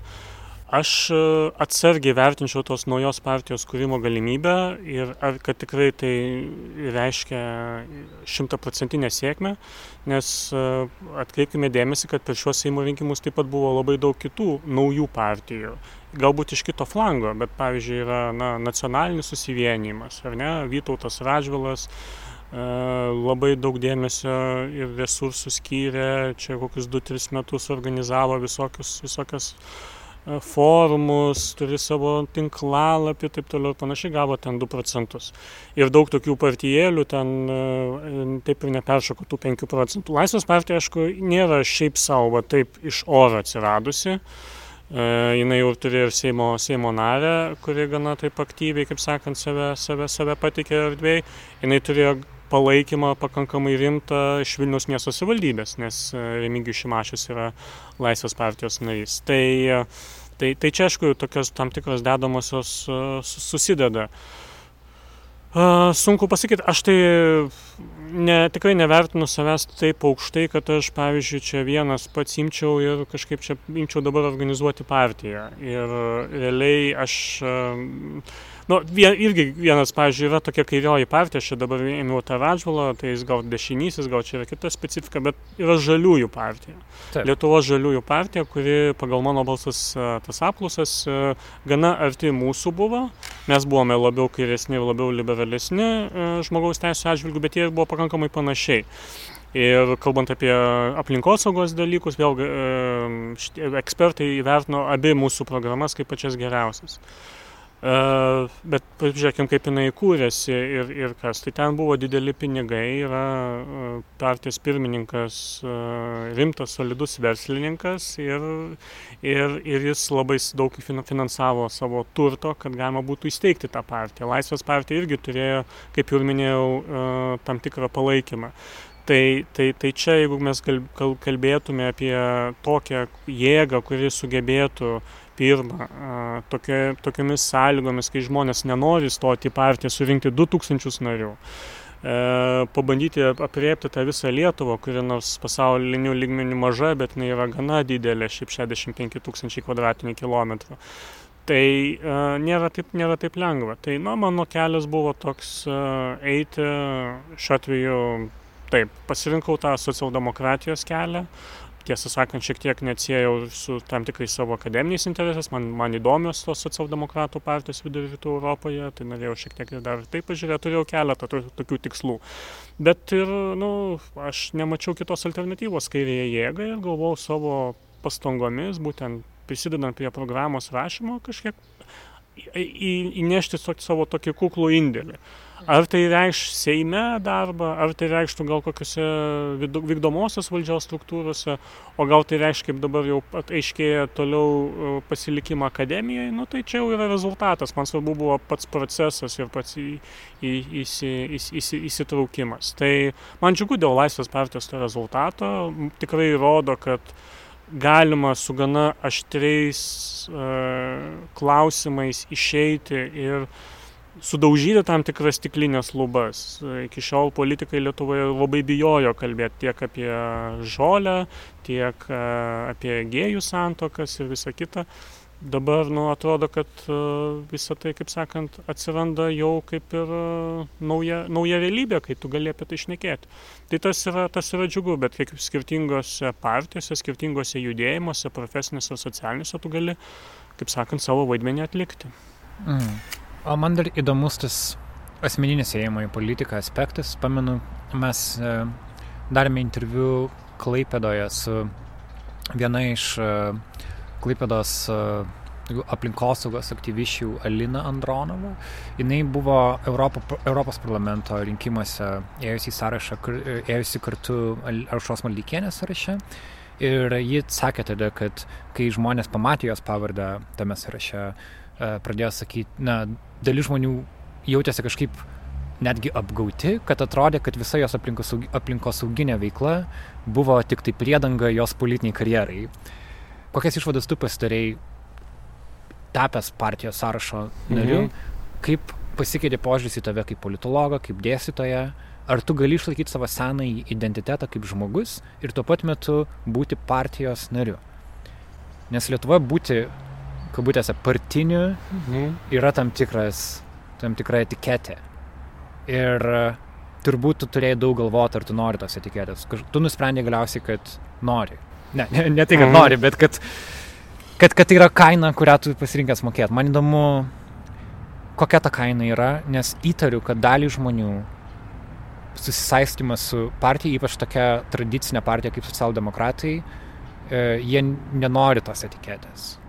Taip, tai yra ir kaina, ir, ir iššūkis, bet aš jį labai e, priėmiau sąmoningai. E, Apskritai dėl į politiką galvojau, apsisprendžiau pasukti po 16 metų gegužės įvykių, kai buvo e, vienos partijos pirmininkas sulaikytas su įtariamu 100 tūkstantinių kyšių ir aš supratau, kaip, kaip politologas aš ties, tiesiog nebegaliu um, ne, man ne, nebetinka vien tik tai stebėti, komentuoti ir panašiai, nieko, nieko kažkaip pačiam nedaryti. Ir tada aš atlikau du tokius veiksmus. Tai vienas dalykas, aš atsiskleidžiau kaip e, LGBT plus bendruomenės narys. Ir tada e, po kurio laiko aš paskelbiau, kad stosiu į partiją ir ne bet kokią socialdemokratų. Ir galiu pasakyti, matyt, sudėtingiau buvo apsispręsti būtent šitą veiksmą padaryti, nei atsiskleisti kaip esu LGBT plus bendruomenės narys. E, Nes, nu va, taip, ta par- partiškumo stigma ir kai, kairumo stigma dar viešoje erdvėje, jos yra gana, nu, didelės, bet Nu, man, aš kaip tik jos labai ir masino, kaip, vat, imtis, imti jas kažkaip tai ir, ir užsidėti, nes aš, aš tikiu, uh, kad ribų, peržengiant tam tikras ribas, galima kažko tai siekti geresnio ir galbūt ieškoti to sutarimo visuomenė, kur pas mus jinai yra dar labai susiskaldžiusi, įsibauginusi, mes viena, vienas kitam labai įtarus esam, nebendraujam taip toliau ir panašiai, tai reikia kažkaip peržengti tam tikras, uh, tam tikras ribas. Kokios tai buvo pasiekmes? Aš tų pasiekmių kažkaip nepajaučiau tokių, kad e, grinai profesinė prasme. Nu, vienintelė, vienintelis buvo tas, kad man žurnalistai maži, jau nebeskambino taip e, dažnai ir įkyriai. Ir dėl to aš irgi per daug neliūdėjau, nes galėjau susitelkti ties akademiniais, kaip sakant, Taip. e, dalykais. Nes kartais, e, jie, na, tiesiog aš vaizduoju, yra žurnalistų darbas, bet jie skambina labai įvairiais klausimais ir dažnai tenka atsisakinėti, kad tu nežinai tų dalykų, bet, nu, tiesiog toks, vat, tai, tai daug, daug mano kolegų politologų, kurių viešoje erdvėje nėra, jie nėra žinomi, jie yra fantastiški politologai, bet jie tiesiog atsisako dalyvauti tose dalykuose. Tai man būdavo sunku pasakyti ne, bet kai va, užsidėjau tokią įspėjamąją e, spalvą, kaip, tai kaip gyvūnų pasaulyje, kai rodančią, kad kažkoks, kažkas yra nuodingo, tai aš tada į, man, į mane daugiau niekas nebe, nu, mažiau, mažiau kažkas kreipiasi. Ir Na, turbūt būtų laikoma, kad tu šališkas, kad tu pats būdamas partijos nariu. taip, Čia kaip žurnalistas negali būti partijos nariu irgi, nes na, e, yra, yra skirtis. Jo, bet e, yra pavyzdžių tikrai, yra, pavyzdžiui, vienas kiečiausių pasaulio politologų, toksai Reinas Tageper, Estas. Ir jisai e, ėjo į politiką, jisai dalyvavo prezidento rinkimuose, jisai net įkūręs buvo partiją, e, kuri buvo laimėjusi e, rinkimus čia 2000 pradžioj. Tai yra tikrai tų pavyzdžių, kurie rodo, kad tikrai tu gali, kaip sakant, tą daryti ir atlikti. Kas buvo toliau? Iš tikrųjų, vat, matyt, galbūt sunkiausia buvo surasti sąlyčio taškus su įvairiomis profesinėmis grupėmis. Aš dabar girdžiu ir to paties gintauto mažeikio ar ir kitų, kad va, partijai reikia kažkaip tai eiti į judėjimus, eiti į visuomenę, daryti tą tinklaveiką. Tai labai teisingi patarimai. E, Sunku juos įgyvendinti iš tikrųjų, nes lygiai dėl tos pačios partinės stigmos vienas dalykas žmonės yra iš karto juos atstumia, o, o tie patys partiečiai, suprasdami ir matydami, kad juos matyt gal atstums, nelabai net ir ryštasi to eiti. Ir tada toksai gaunasi, nu, tokia vat siena. Ir ją, ją peržengti iš tikrųjų e, yra ir buvo, buvo ir sudėtinga, bet, nu, pradėjau, e, ta prasme, mes e, buvom čia su kolegomis kūrę paskutinę prioriteto iniciatyvą dėl aukštojo mokslo, pradėjome dirbti su ten medikų sąjūdžiu, gydyt, švietimo darbuotojų profesinė sąjunga, socialinių darbuotojų asociacija, aš grinai kaip asmeniškai. Ir, ir, bet visą laiką deklaravau, kad kad, kad, kad, kad, kad, kad šiuo atveju esu, e, esu, esu, esu, esu toje partijoje. Vėliau supratau, kad yra daug labai žmonių, kurie dalyvauja tose socialiniuose judėjimuose ir priklauso vienom ir kitom partijom, bet jie dažniausiai tiesiog e, nu, tai nutyli ir to, to, to, to neviešina. Ir tarptų politologų pamačiau, kad irgi yra labai daug, kurie bendra, bendrauja su vienom ar kitom partijom, bet jie to... Bet jie tarsi objektyvus. Bet jie tarsi yra objektyvus. Supratau. Tai, tai va, bet nu, čia kiekvienas, kaip sakant, pasirenka. Aš pasirinkau tą viešumą, atvirumą ir bent jau, um, man atrodo, per tos keletą metų kažkaip tie santykiai nepablogėjo ir žmonės reflektuojantis, racionalūs žmonės, net jeigu jie priklauso kažkokiams, simpatizuoja kitoms politinėms jėgoms, nu, visada yra, kaip sakant, galintis palaikyti dialogą ir, ir, ir, ir, ir, ir, ir, ir, ir tai kažkaip tai, vat, nežinau, kaip sakant, dienos pabaigoje supratau, kad netrukdo tas partiškumas praktiškai gal net, nekiek. Gal net kažkiek išlaisvina, ar ne? Nes turbūt tai, kad tau kairės idėjos yra artimos, na, turbūt žmonės, kurie tave pažinojo, nebuvo jokia čia staigmena. Panašiai gal kaip ir e, priklausimas LGBT bendruomenė irgi, tarsi artimiausi draugai žino, bet e, tas viešumo momentas yra ir įdomu šitas dviejų tokių, kaip minėjai, dviejų stigmų palyginimas, kad atrodė pasakyti, kad priklausai bendruomeniai, buvo vos nelengviau negu pasakyti, kad priklausai socialdemokratų partijai. Tai man įdomu tas, e, kad kodėl pasakyti, kad tau kairės idėjos yra artimos, kodėl tai yra, kodėl tas svoris yra vis dar. Nu, aš aišku, kodėl taip yra, nes kairė pas mus yra siejama su sovietmečiu, su sovietinė praeitim. Čia neatsižvelgiama į tarpukarį, kurie buvo labai daug tokių kairiųjų demokratų, ar tai Mykolas Lieževičius, ar Kazys Grinius, ar Steponas Kairys, kurie labai daug prisidėjo prie Lietuvos nepriklausomybės. E, tai mes bet turime dar daug to vat, atminties politikos tam tikrų darbų padaryti, kad labai, kaip sakant, tą, tą, tą, tą paaiškinti. Bet aš kalbu, manau, būtent per viešą, atvirą, sąžiningą kalbėjimą tai yra įmanoma padaryti. Tai uh, kita vertus, uh, aš ne, neatsitiknai sieju tas savo dvi stigmas, nes tiesą sakant, kai aš suvokiau, kad aš priklausau LGBT plus bendruomeniai, aš uh, pradėjau daug jautriau žiūrėti įvairias pažeidžiamas grupės, nes iki tol, nu ką, gimiau, augau Vilnių, baigiau prestižinę gimnaziją, įstojau Vilniaus universitetą, prestižinį fakultetą, man ten labai gerai sekėsi ir toks buvo nuolatinis suvokimas, kad Kad taip, nu, ir, kad taip ir turi taip būti. Ir turi būti taip yra visiems. taip yra visiems, aš viską, viską savom jėgom padarau, taip toliau ir, ir kas čia skundžiasi, tai tai, tai, tai yra lūzeriai ir taip toliau. Tai turėjai, turėjai šitą fazę? Taip, aš turėjau tą labai tokią gana, gana, gana aiškę, bet kai, kai, kai aš galų gale vat, suvokiau savo tam tikrą vat, tą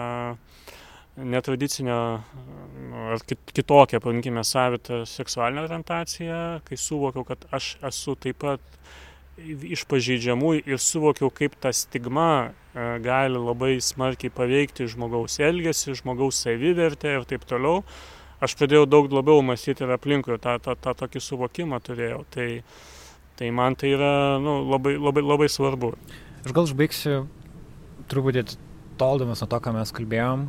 Ir man dabar jau nori tavo kaip politologo žvilgsnio, kad mes dabar kalbam apie kairę dešinę tarsi tokių tradicinių supratimų, kad štai yra socialdemokratai, yra konservatoriai. Bet e, daugelį Europos šalių, taip pat matant, kas vyksta JAV, netgi, pavyzdžiui, Lietuvos atvejais, ką, ką galima stebėti, kas vyksta dešiniai, tarkim, ten Radžvilo partijos atsiradimas, rodo, kad žmonės, no, dalis žmonių nori kažko daugiau negu šitas tradicinis spektras, kad pavyzdžiui e, Radžvilo partijos nariams konservatoriai nėra pakankamai deš, de, dešinieji. Jie nori būti labiau dešinieji negu konservatoriai.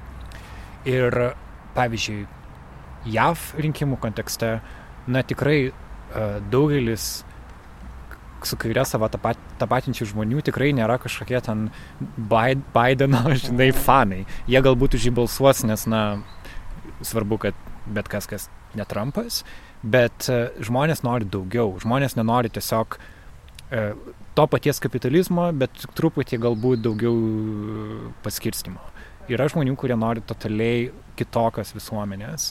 Ir ką tiem žmonėm gali pasiūlyti, na, ta pati socialdemokratų partija. Ar tai nėra, uh, žinai, kad galima tą partiją šiek tiek sukairinti, sumodernizuoti, bet Bet tai gal laikmetis kitas, gal jau reikia, gal tikrai reikia, pavyzdžiui, universalių bazinių pajamų, reikia kažko totaliai kito, kad ta partija apskritai liktų aktuali. Aš, aš pritariu, kad reikia tikrai kalbėti. Uh, nesu na, toks, kaip sakant, fetišizuojantis universalių bazinių, bazinės pajamas, bet uh, esu perskaitęs ne vieną knygą apie tai, kai kur yra ir kritinių, ir, ir, ir tokių palaikančių argumentų, plus už ir prieš. Lietuvoje, jeigu pagal Europos visus e, tyrimus, lietuviai šiaip tai pritartų tą idėją, matyt, e, palaikymo procentas yra vienas didžiausių tarp visų Europos šalių, bet kol kas apie tai nekalbama ir nešnekama. E, veikiausiai trūkstama drąsos, galbūt yra tam tikros kitos idėjos. Tai čia mes kalbam apie tą idėjinį tam tikrą atsinaujinimą bet taip galbūt aš nežinau aš tai įsivaizduočiau klimato kaitos problematikai yra tam dabar jau jinai šiaip jau apie ją reikėjo daug kalbėt ir, ir kiekvienais metais jinai taps dar aštresnė, dar svarbesnė. Jo, bet jeigu tai perkeliam į politikos, tarsi, tavnio policy lygmenį, uh, reikia galbūt drastiškesnių apribojimų, ar ne? Galbūt, pavyzdžiui, uh, nežinau, gal ateit politikas, kuris pasakys, uh, uždarykim Vilniaus centrą nuo automobilių. Mhm. Žinai, bet niekas to nepasak, nepasako dabar, nes atrodo, kad tai jau, jau čia yra truputį per daug. O gal reikia to per daug? Gal reikia, gal reikia pažiūrėjau, radikalios viešojo transporto pertvarkos visos Lietuvos mastu?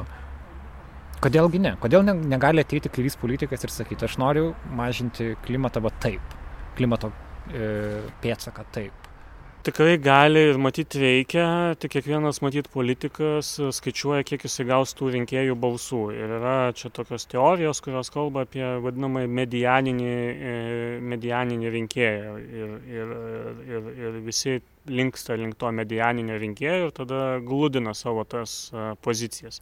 Bet kaip tik vakar skaičiau vieną tokį komentarą e, kur kur sako kad skirtingais valstybių raidos etapais matyt yra skir skirtingas poveikis vienokių ar kitokių politikų.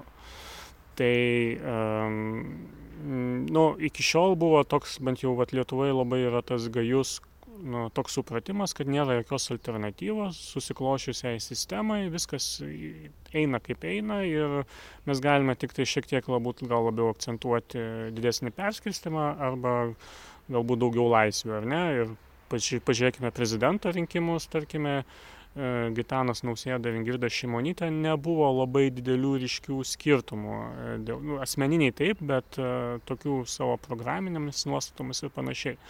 Bet uh, galbūt taip, gal yra, uh, mes matome nu, ir toj pačioj Europoje ir kitur, skirtingose šalise skirtingai, bet e, kartais ateina tokių vat, antisisteminių politinių jėgų metais ir to nereikia pražiopsoti, nes iš tikrųjų dažnai galima matyti, kad tie vadinamieji dešinieji radikalai, jie pirmiau ateina ir pirmiau kažką tai padaro. Ir tiesą sakant, čia yra įdomus dalykas, e, ar tai imtume Orbano Fides, ar imtume Kačinskio PIS, tai jie ėjo labai didelį dėmesį skyrė jaunimui, ir miestų gyventojams. Ne, neėjo ten pas, pas nu, taip jie apeliavo ir į, į pas močiutės, taip toliau, ir ten pensininkus ar kažkokiuose nu, nutolusiuose kaimuose, bet e, reikia atsižvelgti tai, kad pačioms partijoms joms yra daug lengviau ateiti į miestus, infrastruktūriškai, tiesiog daugiau, daugiau šansų, kaip sakant, pasibelsti į duris ir taip toliau ir panašiai. Ir dabar, kai yra socialdemokratai, tarkime, iki šiol galvoja daugiau apie regionus ir pirmiausia siunčia žinutės jiems, taip, jeigu bus taip toliau, tai tiesiog bus pražiopsotas e, dešinėje populizmo gaivalas ir, ir čia tą reikia labai, kaip sakant, e, rimtai vertinti. Tai, Tai mano net ir palinkėjimas ar socialdemokratams. Galbūt aš net nešiau galimybės, kad gal kažkokia steigsis nauja, nauja partija, ir, bet kaip minėjau, čia reikia, kaip sakant, daug, daug tų jėgų ir visa kita, bet turi būti daug stipresnis, aktyvesnis kalbėjimas su miestų gyventojais ir su jaunais žmonėmis. Ir tos pačios bazinės pajamos labai rezonuoja su jaunais žmonėmis, klimato kaitos klausimai labai rezonuoja su jaunais žmonėmis. Ir čia tiesiog reikia galbūt, galbūt kartais ir daugiau šiek tiek intelekto, galbūt daugiau uh, valios pasidėti prie knygų, prie, prie įvairių tyrimų, patiems gal investuoti šiek tiek. Deja, pas mus partijos, neįskiriant nei vienos, iki šiol neturi jokių, jokių normalių think tankų ir panašiai. Ir tada tik tai pasiema kažkokias klišes. Tai čia, nu, čia, yra, čia, yra, čia yra daug darbo, bet jeigu tos, tas nebus daroma, tai aš, vis, aš visiškai netmešiau to varianto, kad mes ateisime prie lenkiško, vengriško e, scenarijaus, kai su gana primityviom atavistiniam tokiam nuostatom ateis, ateis kai kurie atvykėjai ir, ir, ir pasiims nusivylusių žmonių, įskaitant jaunuosius e, balsus. Tai, Liutaurai, ką tu pats dabar darysi? Tu lieki partijos taryboje, tu lieki partijos nariu, tu lauksi kitų rinkimų? O kol kas nėra poreikio kažką, kažkokius daryti staigius judesius. Tai aš išlieku akademijoje, man labai patinka, kaip tai mano pagrind, visą laiką buvo ir išlieka pagrindinis, kaip sakant, pagrindinė akademinė veikla.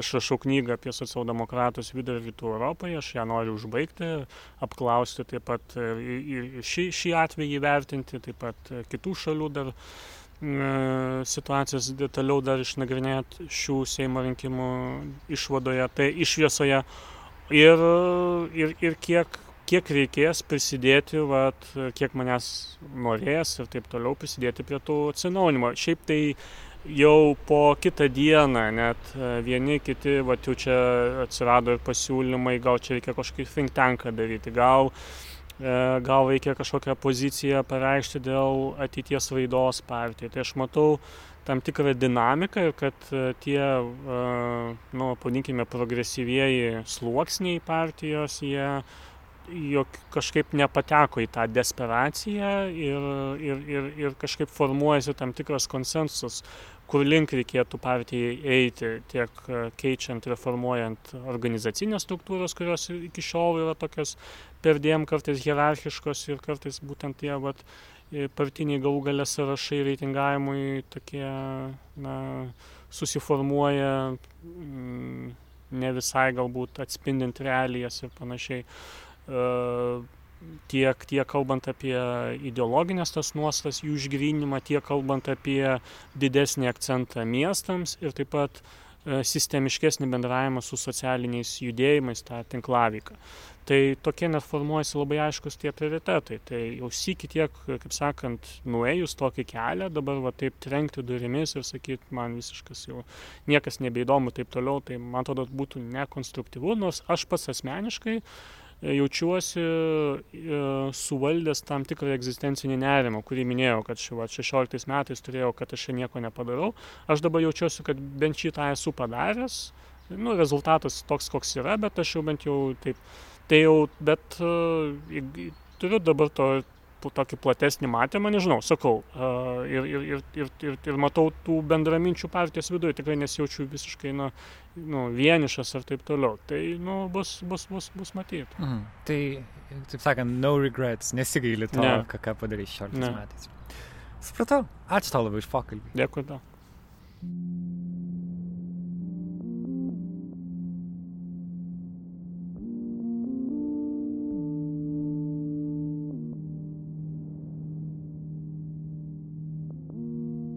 pabaigai kviečiame jūs į paskutinį susitikimą. Keliamės į Rochesterį, Junktinės valstijas, kur gyvena dėstytoja ir autorė Lina Žigelytė, kurią anksčiau kalbinome mūsų podcast'e. Ji yra vienas iš tų žmonių, kuriam yra artimos kairės ideologijos pažiūros, tačiau šiuose rinkimuose ji nesirinko balsuoti už socialdemokratų partiją, o pasirinko kitą partiją, kuri jai atrodė tam tikrais klausimais progresyvesnė. Tai yra Laisvės partija. Klausimas yra, kaip kairiųjų pažiūrų žmogui balsuoti už Laisvės partiją, jeigu šita partija viena vertus palaiko žmogaus teisės, ta prasme, kad jie yra atvirai pro LGBT, bet ekonominė jų politika yra neoliberali, jie skatina mažiau reguliacijų ir šia prasme yra dešiniai. Tad ką daryti kairiam balsuoti už neoliberalią partiją, bet už žmogaus teisės palaikančią partiją? Su Lina norėjau tai išsiaiškinti ir mes su ją kaip e, LGBT moterim pradėjom kalbėti nuo to, nuo paties kapitalizmo ir jį pateikė įdomų požiūrį, kodėl LGBT bendruomeniai kapitalizmas kartais suveikia labiau negu tiesiog viešosios erdvės. paradoksaliai aš pasakysiu kad būtent tie kurie lietuvoje kuriem lietuvoje svarbūs žmogaus teisių klausimai mes puikiai suprantame kapitalizmo paradoksus. Daugeliui lietuvos lgbt žmonių ypač jaunimui jie saugiau jaučiasi ne viešose erdvėse ne institucijose o privačiose kapitalo erdvėse baruose muzikos klubuose kavinėse ane kur žmonės gali būti savimi. Daug kas bėga iš savo mažų a, miestelių ir kaimų į didesnius miestus būtent dėl to laisvės pažado mes puikiai suprantame kaip mum tam tikra prasme būtent dėl dėl kapitalizmo tam tikrų struktūrų mes galime egzistuoti. Filmuose matyti save nes mes savęs nematome e, masinėj produkcijoj matyti save nes mes savęs nematom. Gatvėse nematome tarp savo mokytojų, tarp savo dėstytojų, ne, nematai žmonių, kurie yra kaip tu, kurie atvirai galėtų sakyti, vat, vat, e, e, kaip aš save apibrėžiu, kaip tai informuoja mano visą gyvenimą, mano, mano, mano veiklas, mano aistras ir visą mano tapatybę ir pasaulėjautą visą. Tai be abejo, kad mes kapitalizme matom tuos veidrodinius at, at, atvaizdžius ir aš manau, kad jau kas jau kas, o ypač LGBT konkrečiai žmonės be galo supranta tuos paradoksus kapitalizmo ir dėl to paties kapitalizmo irgi be abejo būtent LGBT bendruomenė dažniausiai labai stipriai nukenčia, nes mes sudedam tiek daug vilčių į tą kapitalą. Ir, o kapitalas kaip toks, jisai, nu, čia, žinai, pats bazinis marksizmo teiginys, argumentas yra kapitalizmas unikalus tuo ir, ir tuo, todėl jisai sugeba taip išlikti, nes jis nuolat save perkuria. Ir jisai sudaro sąlygas pačiame kapitalizme nuolat įvykti perversmam ir tie perversmai toliau tęsiasi ir vėl kapitalas save nuolat išranda, lygiai kaip dabar jisai save nuolat išranda. Žinai, čia tokia, čia žinai, galvoju apie, kodėl bet aš pradėjau nuo kalbėjimo apie kairę vaizduotę daug kam daug kam pasakai kairė ir galvoja žinai kad mes penktadienio vakarais aštuntą vakaro sėdim skaitom markso kapitalą. Arba arba galvoj kyla vaizdai žinai apie kažkokį nupezusį varganą priplėkusį raudoną transparantą su žinai gegužės pirmoji užrašu ir tai nėra vien įvaizdžio žinai klausimas ką reikia rodyti nors socialdemokratams seniai apie tai reikėjo mąstyti ir kairės kairė kairės krypties intelektualam menininkam kūrybininkam seniai apie tai reikia lietuvoje mąstyti kaip kaip žinai e, kai kaip užkurti žmones staiga pradėti galvoti kūrybingai apie kairės dalykus. Nes sori už mūsų yra visa žinai istorija revoliucijų judėjimų be galo įkvepiančių įvykių. Ir jie nė kiek nenutolę nuo šiandieninių problemų. Žinai aš atsimenu karoli ta tu buvai kai kai kai kai mes su tavim kalbėjom žiemą aš tavęs man atrodo paklausiau ar tu pavyzdžiui kaupi pensiją? Taip. Ar kaupi pensiją? Ne. Nekaupiu jeigu pavyzdžiui tau darbe įvyktų kažkokia trauma ir apsaugok dieve žinai jeigu tau būtų tarkim trumpalaikė trumpalaikis neįgalumas ar tu gautum kažkokias pajamas tuo metu? Um, na kažką gaučiau bet tai būtų pakankamai nedaug. Tai tai be abejo nes pas mus išmokos susijusios su neįgalumu jos yra yra labai mažos o gauti dideles yra labai sunku. Aš šitą šiek tiek žinau kadangi mano tėtis buvo e, e, turėjo neįgalumą kadangi jisai susirgo. Atostogos tau yra apmokamos tarsi yra, bet irgi labai mažai. Žinai, tos paslaug, Būtent, paslaugos ir... yra, bet jos nepakanka, tau reikia das, dasidurti. Būtent. Tavo darbo, darbo valandos pastovas. Na, aš dirbu kaip uh, pagal individualią veiklą, tai aš jas tarsi pats nusistatau savo. Um, bet... Be abejo. Kita ver, tai, tai va, tai, ką aš atsiprašau, žinai, aš tave on the spot taip uždėjau. Ne, ne, ne, labai viskas tu Šitą atkarpą paliksi, nes tu esi daugeliu prasmių tas kūrybininkas, ne? Ir aš žinau, kad, kad podcast'o klausosi daug kū- kūrybinių industrijų žmonių ir daugelis dirba būtent panašiomis sąlygomis, ar ne? Na, aš čia sėdžiu pus, pus, pusę, pusę dešimt šiuo metu dėl laiko skirtumo, aš dirbu, žinai, viršvalandį dėl šito Būtent. interviu. Taip. Būtent pas Le- New Yorko laikų dabar 2.22 e, Lietuvoje yra gil- gilus vakaras. Tu turėtum sėdėti bare, gerti vyną. Aišku, dabar niekas to nedaro, nes pandemija. Tai, um, Vilniui daro, Vilniui daro. Tai, tai va, ai, nu daro, o pas mus čia yra visiška anatema. Tai Užjaučiu. aš kalbu apie tai, kad tie klausimai apie tai, kaip mūsų, pavyzdžiui, darbas dabar organizuotas, tai ir, ir kaip mums kapitalizmas sukūrė tą tokį pažadą, ne, kad čia staiga tokia bus laisvė, jūs galite, žinai, būti laisvai samdomi darbuotojai, dirbti iš bet kur, bet kada, kaviniai, lovoj, tolete, vonioj. Mes nebeturim tų ribų ir iš esmės mes visada esam on. Taip, bet Lida, ar nėra, dirbam. ar nėra taip, kad Ir- Aušrinė Ir Armonaitė pala- nematytų pabaigsiu- tame paba- pala- pala- problemos? pala- pala. Pabaigsiu, Okay. būtent tai toks yra pažada, pažadas, Taip. ne, bet mums reikia polisio, mums reikia miego, mums reikia galimybių turėti atsipūsti tam, kad tu vėl galėtum būti produktyvus. Tau reiks pensijos, kai tu nebegalėsi iki 9.30 vakare sėdėti prie ekrano ir, ir dirbti. Iš kur ta pensija tau atsiras? Tai tie klausimai, kurie iš ties kaip ir e, suaktyvavo labai daug e, kairės krypties organizavimosi, ypač tarp darbininkų 20, e, 19 amžiaus pabaigoje, 20 amžiaus pradžioje, tie klausimai visiškai aktualūs netgi tiem patiem kūrybininkam Lietuvoje. Kaip vat, atrasti tuos būdus, kaip ir atstovavimo tau ir tavo dabartiniam problemom. Ir jeigu vien tai, kad tu gali dabar dirbti bet kur, bet kada, a, todėl mūsų karta ir yra visiškai tokia išsekusi. Nerimo, e, psichologinė mūsų sveikata per, per, per sto, stogą rauna daugeliu, tiesioginė tam, e, to žodžio prasme, nes mes nebeturim to a, balanso tarp polisio ir darbo. Tarp tų vi- vietų, į kurias mes einam dirbti ir kur mes ilsimės, viskas yra taip susipainio ir tai yra dabartinė kapitalistinė uh, logika. Bet- ir bet ar- bet plius, Laisvės partija to nekvestionuoja. dar paskui- On top of everything dar tau sako, kad tai yra gerai. Taip. Ir tai bus labai gerai. Ir viskas yra, sorry, zajebys. Tai gerai vien, vieną taip mąstyti, kai tau yra 30 metų, ne, čia tokia laisvė, gigas vie- vieną savaitę vienoj kontorai, gigas kitoj savaitėj, a ne taip vadinama gig economy. O pasirodo, pensijos neturi. O jeigu trauma kažkokia ilgalai- ilgalaikė, tai dar laimė, jeigu tau gyveni Europos Sąjungos, kažkokio, uh, uh, Europos Sąjungos valstijoje, tai yra kažkokia kaip yra darbo įstatymai, kurių kaip ir turi laikytis. Uh, tai va čia yra tie, žinai, kapitalizmo paradoksai. Kapitalizmas visada prisistato save kaip vat, yra gerai, kaip, kaip kad jis yra gerai, kaip tau jo ne tik, kad reikia, kaip tau jis yra būtinas ir kaip jisai tau uh, garantuos laimę. Ne? Bet, uh, Tilina, nu, nesame tokie laimingi, bet turint visą tai... grubiai Aš, pasakė. aš pritariu tai, ką girdžiu iš tavęs. Tada man klausimas.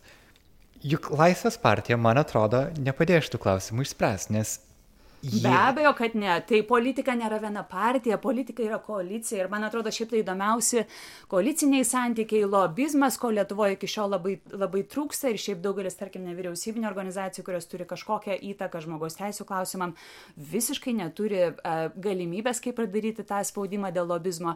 Uh, LGL, žinai, paskutinė instancija Europos teismai, ne, per teismus eiti. Tai gerai neringa dang- dangvydė teisėsi keturis metus, tol, kol dė- dė- dėl, dėl savo knygos apie, apie du princus, kol žmogui vėžys e, kol nesusirgo vėžiu ir, ir numirė nesulaukusi to teismo sprendimo.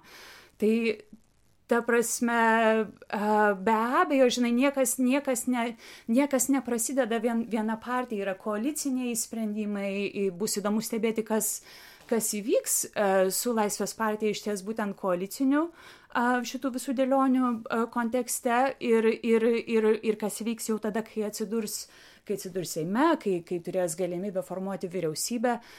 Be abejo, bus įdomu. Žinai, kita vertus, aš prisiminiau, Zuokas tapo Vilniaus meru, jam buvo 30 keli metai. Tai dieve, dieve, kaip visi džiaugiasi, jaunas vyrukas, oi tai padarys. Padarė. Padarė. Padarė. Tai vad žiūrėsim, ar žinai, aušrinė netaps ne aušrinė, o su tema. Tai, Lina, Am. jeigu aš teisingai suprantu tavo požiūrį, tai yra, kad, na, kai tu balsuoji, tu renkiesi iš to, kas tuo metu yra siūloma, gali aišku rinktis už nieką nebalsuoti, bet nereikia per daug į konkrečius politikus, į konkrečias partijas sudėti savo kažkokių, e, ne, netiduoti jiems per daug darbo už tave. Taip tu atiduodi savo balsą, galbūt dalis žmonių to balso dėka pateks į Seimą ir ten kažką gero nuveiks, bet iš principo tu turi kasdieną uh, ieškoti būdų, kaip uh, pakovoti už tuos tikslus, kurie tau svarbus.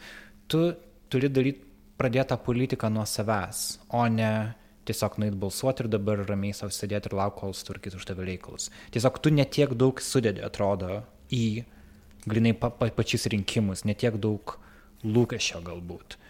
Ir e, visų pirma, tai matai kaip tavo asmeninį darbą, jeigu aš teisingai suprantu.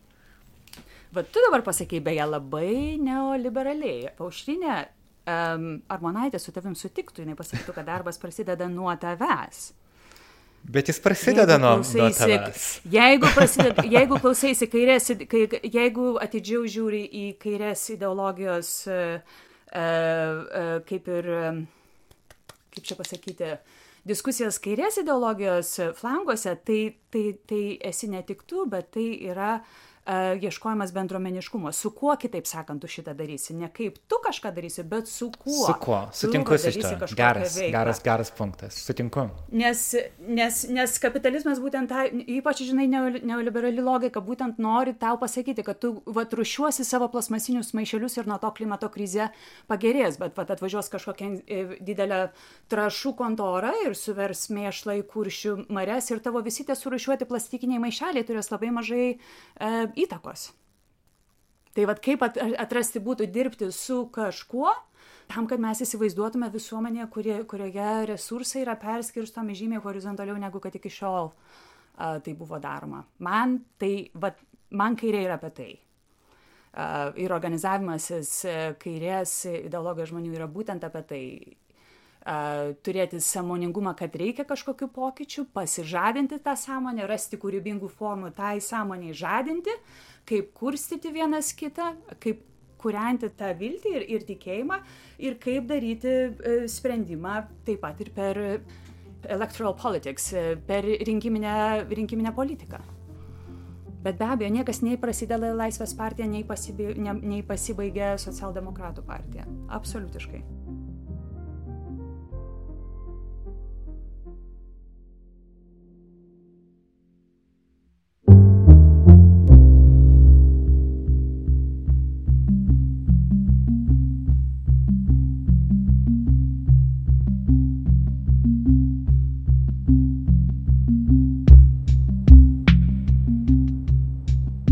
Toks mūsų epizodas šiandien.